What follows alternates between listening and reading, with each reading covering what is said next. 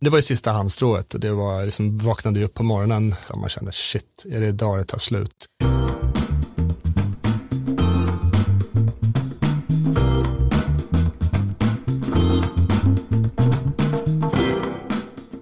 Han är kemiingenjören som inte trivdes i rollen som anställd och startade en digital ljudbokstjänst. Tre år senare tvingas han sitta i tv-programmet Draknästet och be om pengar för att företaget ska överleva. Att han ytterligare några år senare skulle köpa förlaget Norstedts eller finnas i 15 länder fanns då inte på kartan.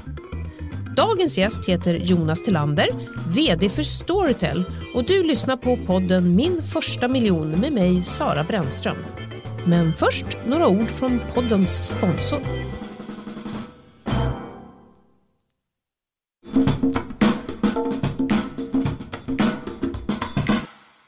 Välkommen hit Jonas Tillander. Tack. Du har grundat bolaget Storytel eh, som är en streamingtjänst för ljudböcker. Du har lett bolaget från att vara en liten uppstickare till verkligen röra om grytan när ni köpte Nordstedts för några år sedan. Och så idag finns Storytel även i fler länder. Men i grunden är du kemiingenjör och du jobbade på stort eh, globalt läkemedelsföretag när du bestämmer dig för att starta eget. Vad fick dig att göra det här steget?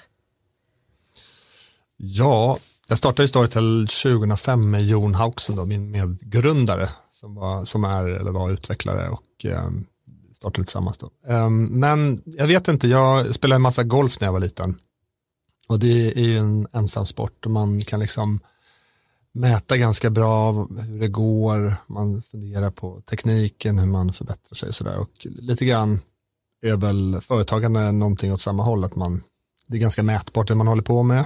Um, kräver väldigt mycket egna idéer, man får testa av olika hypoteser och, och sätta igång olika saker. Så att på något sätt så liknar det lite grann det. Jag lyckades aldrig riktigt i golf, men kände väl att liksom företagande är någonting som måste, måste passa mig. Du hade ju en lång karriär eh, bakom dig på massor med olika företag och det såg ut som en väldigt fin karriär, ett fint CV i alla fall som man också är säkert mätbar när man är på de här positionerna. Du hade ju toppjobb ändå. Ja, um, jo, nej, men det gick ju framåt bra sådär, men uh, jag hade inte hjärtat med riktigt. Jag kände, det var alltid man började ett nytt jobb och så efter ett år kanske så började motivationen lite grann tryta och så tänkte jag så här, vad fan, det är inte det här jag skulle göra, det är inte det här jag satt på jorden för jag, jag ska göra någonting eget. Um, och det tog ut sin rätt till slut, till slut så blev det bara, men nu var jag 35 år nästan och då tänkte jag att men nu måste jag göra någonting. Men hur vågade du då? Det är, jag tror en överlevnadsinstinkt, jag tror så här, man, man måste känna att man verkligen, när man, när man har någonting att förlora, vilket jag ju faktiskt hade då, liksom, jag hade ju eh, familj och eh, liksom ett, ett schysst jobb, så, så är det klart att då måste man ju verkligen känna innerst inne att det, det är någonting som man måste göra, att man liksom, för, för att eh, behålla sin mentala hälsa och må bra så måste man göra, det kände ju verkligen, jag tänkte så här, när jag är 65, hur kommer jag må om jag inte har gjort det? Ja, men jag kommer förakta mig själv, jag kommer tycka att varför kunde jag inte våga och verkligen göra det som jag brann för.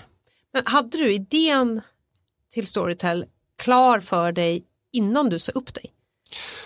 Men det sker ju inte sådär över natt. Alltså jag hade ju tillsammans med Jon jobbat igenom en massa olika idéer genom åren.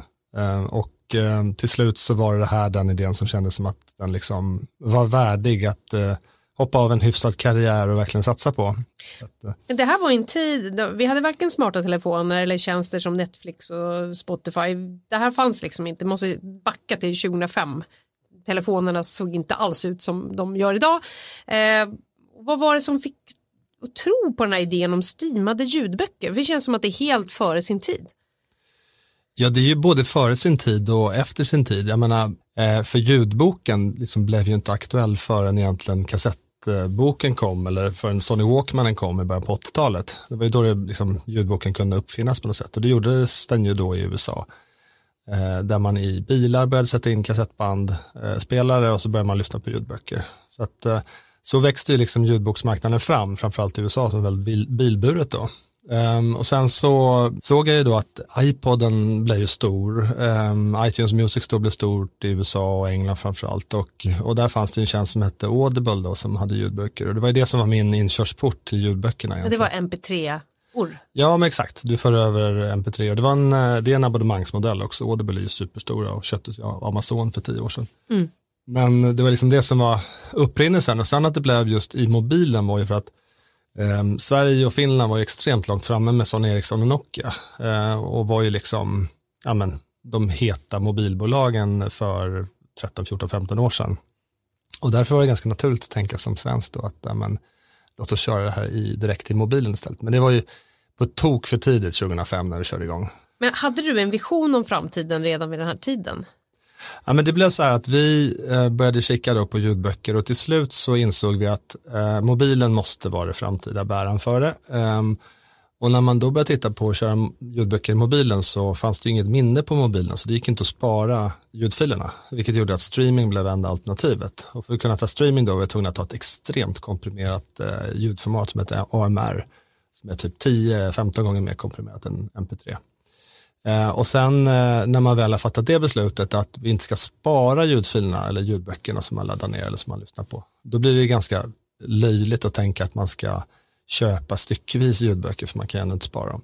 Så då kom ju liksom abonnemangsmodellen som ett brev på posten. Egentligen. Så det kändes ju som det liksom enda naturliga sättet att eh, konsumera ljudböcker på. Och då, då, visste vi inte att det skulle bli så stort såklart, men det kändes ju som, en, som att för användaren så är det ändå liksom det schysstaste och mest attraktiva. Tre år efter starten då var du med i tv-programmet Draknästet och var tvungen att be om pengar. Hur desperat behövde ni pengar? Um, ja, extremt desperat. Vi var väl rent tekniskt tror jag i bankrutt då när jag gick in i, i studion där. Så det var ju, ja men det var ju sista handstrået och det var liksom, vaknade upp på morgonen, um, kommer jag ihåg den månaden liksom och så fort man öppnar ögonen så bara börjar hjärtat att bulta och man känner shit, är det idag det tar slut, är det idag vi måste betala den där räkningen som vi inte har pengar till. Så att, och det har ju alla som har drivit företag säkert varit i den situationen vid ett visst tillfälle. Det är ju det är väldigt stressande. Um, men hade det roliga, du ångest? Um, ja, jag hade egentligen mest ångest för att risken att, eller för tanken att inte få fortsätta. Det vill säga tanken på att gå tillbaka till ett jobb, ett vanligt jobb som jag kände inte var för mig, uh, var väl det som stressade mig allra mest. Kommer du ihåg hur du kände eller vad du tänkte precis innan du gick in till den här juryn och skulle presentera? Jag tänkte bara igenom, jag hade ju kört den här pitchen som var på tre minuter, den ligger ute på YouTube nu förresten för de som vill lyssna eller titta. Um, jag hade ju kört den pitchen och tränat den kanske 40 gånger så det var ju bara den liksom att, att kunna köra den uh, med inlevelse och liksom en fas och, och för dem att känna att uh, jag brann för det här, att det skulle bli någonting bra. Men minns du den än idag? Uh, ja, jag har tittat på det här klippet några gånger efter, så, ja men ungefär. Vill jag ska köra den i tre minuter? det behöver du inte, men bara så här, om man... Det, det, det roliga är att den stämmer ju, alltså hela grundidén kring liksom ljudböcker, ekosystemet med författare, förlag och allting och att lyssna liksom när man åker och rör på sig. Det, det, är, ju, det är ju lika sant idag som det var då. Mm. Och betyder det att de pengarna du fick då, eh, hur mycket var det? Eh, en miljon. Och då var det, var det liksom precis det du klarade dig på, eller? Det var precis det vi tog faktiskt in, när vi väl hade handskakningen, eller hade det med Rickard Båge i Draknästet där, så blev det ju mycket lättare sen. Vi hade ju lite andra investerare som vi försökte övertala, men ingen ville ju riktigt ta steget då. Mm. Eh, men när vi väl hade den handskakningen så kunde det bli lite tuffare och se till att vi fick in den andra miljonen. Så det var faktiskt två miljoner som gick in i bolaget. Då, på det här ja, tillfället. Ja. Och det var lite svårt då, för vi hade en finanskris som hade briserat.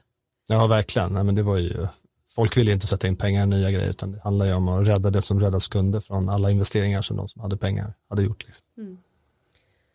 Om någon då hade sagt att du skulle köpa en massa förlag och även Norstedts, hade du trott på det?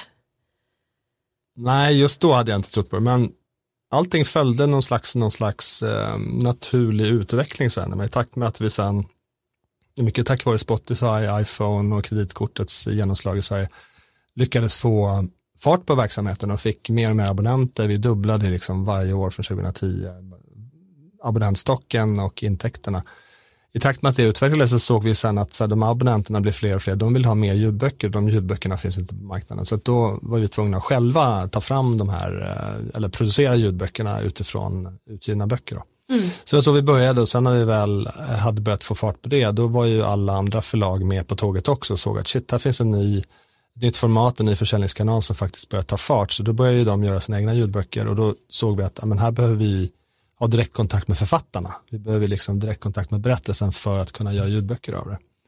Eh, och, och, det var så vi liksom till slut köpte Massolit förlag. Eh, sen körde vi igång med Storytel Original ganska snart efter det. Och där eh. ni kontrakterar människor att skriva en ljudbok. Ja men precis, precis så. Att vi ja, lite grann verkar fram berättelsen mer tillsammans. Ibland så kommer författaren med ganska färdig, färdig story och ibland så är det mer av ett uh, teamwork. Mm. Uh, men det var ju liksom efter, det var efter att, eller i samband med att uh, House of Cards kom och um, Netflix visade att de ska satsa mycket på eget innehåll så, så kunde vi visa att ja, men det här är nog en ganska bra idé. Ni hamnade på börsen också i samband med det här köpet av Massolit. Ja men precis, juni 2015. Så.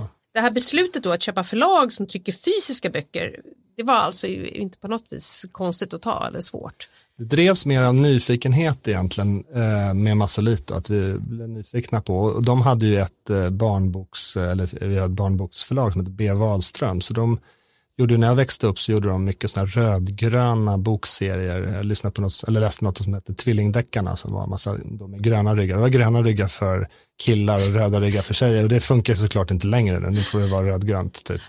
Eh, men, eh, men eh, då var det så i alla fall. Så att, det var min första kontakt egentligen med böcker, mm. de här tvillingdeckarna. Och, och det, så det kändes lite spännande att kunna få vara med liksom och kanske ge ut dem och det har vi gjort också, gjort ljudböcker av dem och sådär. Så det var så, så jag kom i kontakt egentligen med Stefan Tegelfalk då som, som drev eh, Massolit förlag. Och så inte långt därefter, då köpte ni Norstedts. Precis. Och sen blev det lite buller och bången då?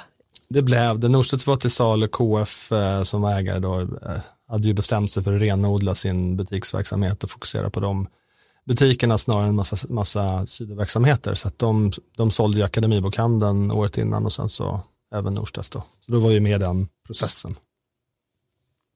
Hur kändes det? Jag vet inte, vi, det rullade mest på. Eh, vi såg det som att ja, men det här är ju en, det är rätt, rätt steg för oss att ta nu. Vi hade liksom som sagt köpt Massolit förlag, kunnat vända det till, från en jättestor förlust till en, till en vinst redan ett år senare. Ehm, och kände att ja, men det här kanske är någonting som vi kan vara bra på vid sidan om streamingverksamheten och abonnemangstjänsten eh, för ljudböcker. Och drevs även av liksom nyfikenheten kring att eh, men, kunna jobba nära, nära de som faktiskt skapar berättelserna som folk eh, väljer att lyssna på, väljer att lägga så många timmar på för att de fångar dem. Så, att, så det var mycket nyfikenhet i det, i det beslutet också. Men idag, är Storytel väldigt separat från Norstedts eller är det verksamheter som är liksom lite mer sammanflätande? Ja, vi, vi, sitter ju i samma hus här borta, Norstedtshuset, eh, och och så springer vi på varandra dagligen. Eh, men, men det är väl klart att alltså, tittar man på förlagsverksamhet så är ju det, där har man ju författaren i fokus liksom i allt, allt man gör egentligen. Författarna är ens stora tillgång som bolag och, och de som man jobbar allra, allra närmast. Um, Medan för en, en um, återförsäljare eller en, en abonnemangstjänst som Storytel så är det ju kunden som måste vara i fokus och liksom bästa tänkbara användarupplevelse för kunden är ju det som liksom driver hela, hela verksamheten och allt man gör varje dag. Så, att, så att där har man lite olika fokus och det, det gör att man, man inte tror jag, integrerar det så nära utan man driver som två separata bolag inom samma koncern men de, de har ju glädje av varandra. När ni väljer den här som läser in, är det på något vis datadrivet eller har man undersökt att människor gillar när Stefan Sauk läser just? Eh, eller om det är bara någon som faktiskt läser boken. Ja, du vet, som inte skådespelar den. Det är precis som i, eh, inför en eh, filmproduktion och du har en casting där man väljer rätt skådespelare så det blir lite likadant faktiskt med ljudböcker. Att vissa, vissa personer och röster funkar bra till vissa böcker men kanske inte till andra. Mm. Men jag har hört någon som sa att jag kunde inte läsa den där boken för det var Stefan Sauk och jag står inte ut med hur han skådespelar den här boken och jag Ja, jag bara, ha. Alltså det blir som en ytterligare en faktor. Om det är bara en tryckt bok, då är det så här, jag gillar ju den här författaren eller gillar jag inte författaren. Mm. Men här blir det liksom att jag gillar den här författaren, men jag tål inte uppläsaren. Mm. sant. Men tack och lov för Stefan också så är det betydligt fler som tycker att han är fantastisk. Ja, ja, ja, som har absolut. Den, men han, absolut, han kan vara eh, polariserad lite, lite grann. Eh, Jag menar mest hur ni väljer där, liksom, om det är så här datadrivet.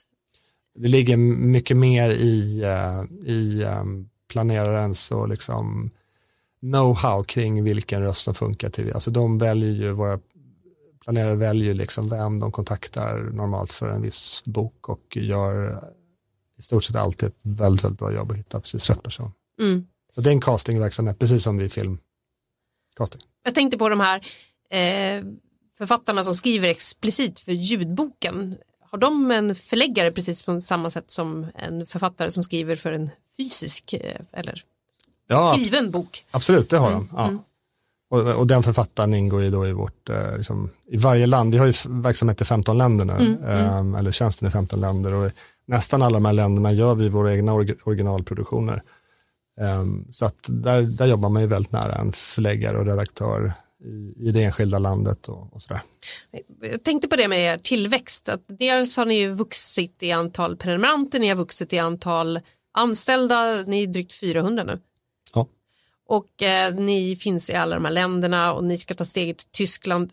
Hur viktigt är tillväxt för dig? Det är väl mer om man backar tillbaka till, eh, jag, jag tänker mer så här, vad är rätt att göra? Och det vi ser här är ju att över hela världen så finns det en extremt starkt ökande efterfrågan på ljud, att på att lyssna på berättelser, lyssna på musik, lyssna på podd, eh, poddprat och sådär som det här vi håller på med nu.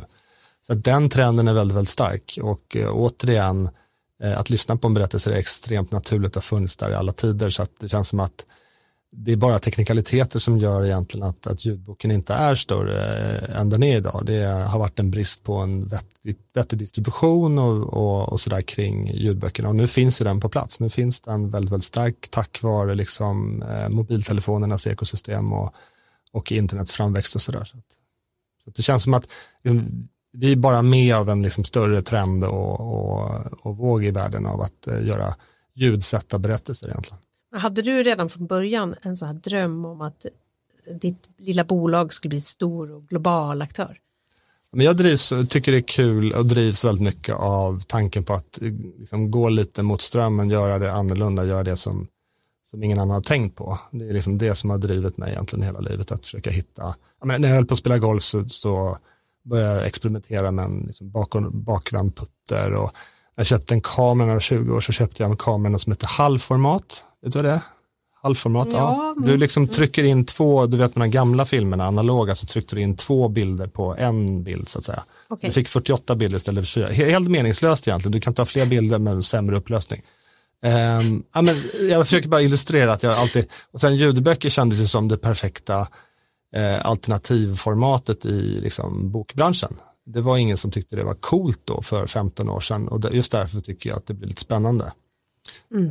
Så att, så att alltid liksom vrida och vända på, och nu är det ju så här, nu är ju ljudboken superhet i Sverige, eh, precis som poddar. Eh, men e-boken har inte tagit fart som den har gjort i många andra länder. Ja, men då tycker jag det är kul att vi tar fram en läsplatta som, det har ju varit framgångsrikt i många andra länder. Vi tar fram en läsplatta nu och låter våra kunder kunna liksom logga in på den och läsa böcker istället. Alltså hela tiden tänka inte med strömmen utan liksom tänka i, i Så nu när egna har prövat ljud, då ska ni plötsligt då pröva elektronisk bok? Ja, Ja, okej.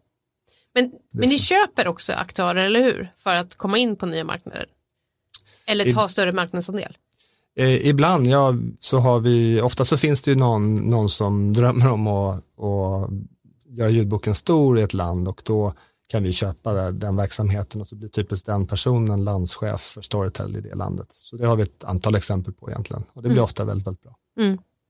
Va- I den här tillväxtresan eh, så måste det också ställas krav på dig som ledare, för det måste vara stor skillnad på att leda eh, bolaget som det var från början och som det är idag.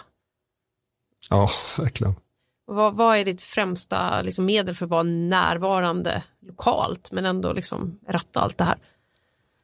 Eh, men jag, min utmaning, jag måste ju lära mig att omdefiniera min roll varje år. Liksom. Bara för att, att det har gått bra hittills innebär ju inte det att jag är rätt ledare för Storytel liksom, i framtiden. Så att jag måste hela tiden se till att få in bättre och bättre personer på Storytel som kan vara med och driva och ta mycket ansvar och jag måste själv hela tiden ifrågasätta liksom, den strategi vi har valt, att det är rätt och fungerar och vara nyfiken på hur vi kan liksom, hur jag kan utveckla mitt ledarskap men framförallt hur vi kan liksom göra rätt, rätt val och beslut som gör att vi har möjlighet att konkurrera med, med alla stora, liksom, riktigt, riktigt duktiga aktörer som du nämner, Audible, konkurrenter från Sverige. Det är ju fantastiskt. Sverige leder ju, vi tillsammans med våra konkurrenter här i Sverige, liksom, går ju nu ut i land efter land. Så att vi, det blir liksom, det snackas om den svensk, svenska ljudboken och svenska ljudbokstjänsterna ganska mycket. Men finns som sagt alltid någon lokal förmåga, sen så finns det ju liksom mm. musikstreamingtjänsterna och Spotify och andra och, mm. eh, och även, även Amazon som du säger som, som letar sig in i marknaden efter marknaden. Men det, det är ett race, jag tror så här normalt sett så om man tittar i Sverige så har det varit väldigt bra för oss och hela marknaden att vi har varit flera aktörer som eh, har kunnat liksom konkurrera med varandra, trigga varandra att göra ett bättre och bättre jobb och likadant ser jag på de andra marknaderna i och med att ljudboken går från noll eh, och ska bli då en stor del av bokbranschen så är det klart att eh, liksom, det finns en ganska bra möjlighet att vara fler aktörer och skapa en betydligt bättre tillväxt och en betydligt bättre användarupplevelse också än om man går in och är helt ensam. Mm. Men är du en person som gillar att ta risk? Det, det, tror jag nog alla som startar bolag måste ju vara lite blinda för risker. Alltså, annars gör man inte det. Menar, det är så här, mm, man måste nog vara lite så. Men, mm. men det är inte så. Det är inte samma sak som att jag sitter och kör bil som en dåre eller jag är ju extremt höjdrädd liksom, så jag håller inte på och hoppar eh, fallskärm. alltså, det beror på vad man mm, mm. menar. Men... men jag tänker mer det här med att gå in i nya marknader och fatta beslut som skulle kunna äventyra bolagets välmående. Nej, men det är väl klart att det, det hoppas jag inte jag skulle göra. Jag hoppas jag inte omger mig med människor som har den önskan att ta den liksom, extrema risken. Men vi finns ju på 15 marknader idag, så mm. det är mm. klart att om vi om vi skulle konkludera att en marknad inte funkar, att vi inte kan lyckas där och inte bli lönsamma och inte växa den, så är det klart att då, då drar vi oss ur. Mm, um, mm. Men, men det har ännu inte hänt och vi har ganska mycket tålamod med ljudboken, för jag vet ju att den tar tid. 500 år för boken att växa fram, då kan det få ta 15 år för ljudboken att växa fram, tänker jag. Eller fem år på en enskild marknad. Ja, så då tänker du att förlustår några är inte så farligt då? Det är naturligt, men det gäller att titta på att eh, de sakmätetalen som man använder, att de utvecklas åt rätt håll och att det finns en plan för efter några år att kunna bli lönsam. lönsam. Mm. Den här podden heter Min första miljon. Minns du när du hade fått ihop den? Det, det var ju i, men det var i slutet på 90-talet eller det var väl köpte en lägenhet i Lund 1996 och sen sålde den 2000. Så då, då fick jag ihop en miljon, men den miljonen försvann på ett halvår sedan in i Ericsson-aktier och Sonera-aktier, alltså Telias, eller Sonera var ju den finska. Jag köpte någon helt värdelöst instrument som hade alldeles för hög risk, men det fattade jag inte då. Så där försvann, tror jag, 300 000 på ett bräde och sen så var jag inne i lite för många sådana där eh, Millennium startups som sen gick åt skogen. Så att, så att de försvann snabbt. Men eh, jag tänker kanske mer på Storytel. Sto Storytel, ja. ja men där, um, ja men precis, Nej, men det, blev ju, det växte ju fram, det fanns ju ingen miljon eh, såklart där 2008 och inte 2009, 10 heller, men i takt med att vi växte sen till så här 20, 30, 40, 50 miljoner kronor så började vi göra vinster på några miljoner mm. eh, liksom under några år där. Jag tror, ja, ganska hygglig eh, vinstmarginal blev det. Och det är klart, och så då delade vi ut lite um, aktieutdelningar också mm. under några år. Men det har ni hoppat över nu? Ja men nu, eh, sen, vi var ju lönsamma från 2010 till 2016, men 2017 så, så såg vi ju, blev vi varse den här extrema explosionen, verkligen, eh, eller 2016 av liksom eh, ljudet och vår unika ställning i att faktiskt ha bevisat en streamingmodell på en marknad där vi kunde se att bokmarknaden växer också. Så då såg vi att ja, men nu får vi ju nu får vi vara lite mer offensiva och satsa lite mer på tillväxt. Och det, det var ju det vi satte igång med och fick ihop ett, ett väldigt bra kompetent expansionsteam som marknad för marknad såg till att hitta bra lokala entreprenörer som kunde hjälpa oss att bygga upp. Så då blir det också, då kommer det som ett brev på posten att du kan inte starta eh, liksom, så många nya marknader utan att eh, det kostar väldigt mycket. Mm. Och, eh, balans, vi har ju en bra lönsamhet i Sverige och eh, i fyra länder, Sverige, Danmark, Norge och, och Island faktiskt. Men, eh, men det väger över med marknader som fortfarande kräver väldigt mycket investeringar. Mm. Men är pengar viktigt som drivkraft för dig? Nej, och det tror jag inte, det kan inte vara för någon som, alltså som sagt, hade det varit det så hade jag ju gjort bäst i att vara kvar på Roche egentligen och liksom höjt min lön där och haft en bra, trygg, härlig eh, karriär istället för att eh, liksom fem år efter eh, att starta Storytel fortfarande vara pank. Så, så det har inte varit, utan det, min drivkraft handlar väldigt mycket om att kunna göra någonting annorlunda, någonting nytt, någonting som folk säger, men gud vad bra, vad mm. häftigt. Är det det viktigaste, att få bekräftelse där, att man gör något bra? Det är inte klapp på axeln, men den känslan av, jag kommer ihåg första gången som jag är här i Stockholm, stod på tunnelbanan och eh, såg någon som fipplade med telefonen med Storytel-appen. Det var en häftig upplevelse faktiskt, att här är en helt slumpvis person på tunnelbanan som sitter och faktiskt använder min, vår tjänst, Storytel. Det tyckte jag var jätteballt. Har du något tips eh, om man vill skapa ett bolag med framgång och växa? Var väldigt långsiktig eh, när du startar upp bolaget. Eh, se till att ha med dig andra personer, en annan person som är villig att satsa lika mycket som du själv. undvik någon som tänker att om, om du ska gå in i det och satsa helhjärtat och säga upp dig från ditt jobb och sådär. Undvik någon som fortsätter att ha någon slags konsultanställning vid sidan om och, och liksom inte vill att ta risk. För att du måste in där tror jag och ta risk och våga satsa allt på något sätt för att, för att ni ska känna att ni är jämlika. Annars får ni sortera ut det kring ägandet och sådär från början så att det blir en bra balans helt enkelt mellan mm. hur mycket man satsar och bidrar med och, eh, och, hur mycket man sen är med på, på uppsidan och i bolagets utveckling. Mm. Är det något tips du tänker på att växa med så tillväxtbolag? Det känns som att det är speciella utmaningar för just det? Alltså du, du växer ju, det är ju så här in, innan, innan produkten har hittat sin lyckliga mottagare som känner att det här är något som är så bra och jag vill betala för det här och berätta för alla mina vänner om det. Innan det händer så är det, ganska svårt att ge några tips för du måste få produkten att sitta och funka med en målgrupp egentligen först. Så då är ju all fokus och kärlek gå in i det, liksom, att förstå vem är egentligen den här personen och som kan vara en större grupp människor som faktiskt vill betala för det här och mm. använda det i sin vardag. Ehm, så det är ju det fokus. Sen så när du väl har satt det och ser att det här funkar, då är det ju, då kommer det in en annan fas av mer liksom, eh, ja, ren, ren ledarskapsverksamhet och rekrytering och alla de delarna som bygger upp ett, eh, ett bolag som växer eller som är stort. Och då gäller det bara att försöka ha smidiga, bra processer och framförallt eh, väldigt, väldigt bra människor runt omkring det som delar den här drömmen om att göra någonting riktigt bra. Mm. Vad använder du för sätt för att få mer i folk? Jag tror för mig är det ju, tror jag det, det folk uppskattar kring mig är väl min eh, genuina, gedigna, fullständiga, oförbehållslösa passion för Storytel och det vi håller på med. Att folk ser det i mina ögon och vet att jag liksom brinner för det här och, eh, och satsar allt kring det. Jag tror att det, det hjälper ju väldigt, väldigt mycket i trovärdigheten och för att folk ska vilja följa en. Jag tror inte jag, jag hade inte kunnat bli någon sån här eh, turnaround kaos vd som går in i ett bolag och gör det fantastiskt. Liksom. Men jag tror mitt ledarskap funkar för Storytel eh, där vi befinner oss nu och, och, förhoppningsvis där vi befinner oss i framtiden. När du gick i skolan, hade du redan då någon tanke på att du skulle bli en för, egenföretagare? Ja, men den, den, eh, det var lite svårt att prata. Jag växte upp på 80-talet. Här någonting. Jag tror det enda jag kände eh, som hade eget företag var en kompis pappa som hade en fisk, eh, fiskaffär i Fruängen.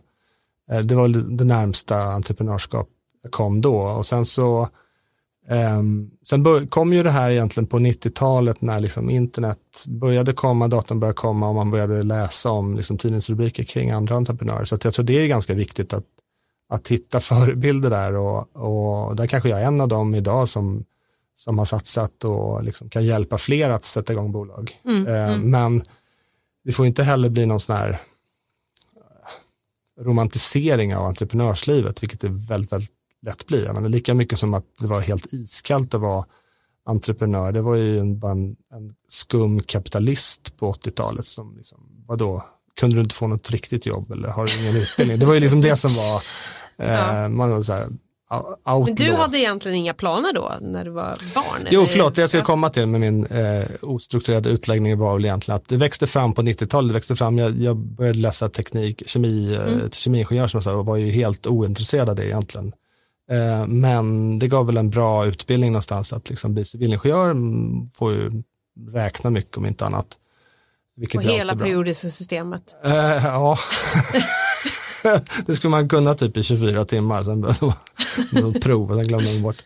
Eh, så där började det växa fram och där började jag sen egentligen när jag hade tagit examen 95 och började jobba på Unilever, då började jag leka med olika tankar på olika äh, affärer och var ganska tydligt då att det är där jag ska hamna till slut för att bli lycklig.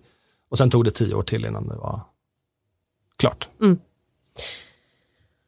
Det är dags att runda av snart. Eh, vad ska du göra nu när du lämnar? Studion? Nu ska jag tillbaka till, eh, till Storytel. Vad ska du göra? Eh, ha några spännande möten med lite folk. Okej. Okay. Mycket... Sorry att jag inte kan vara med precis. precis. Nej, du ska inte träffa några heta författare. Eh, ja, det gör jag ibland, men det finns andra som är väldigt mycket bättre på att ha de diskussionerna. Mm. Mycket trevligt att ha dig här, Jonas Terander. Tack. Tack själv.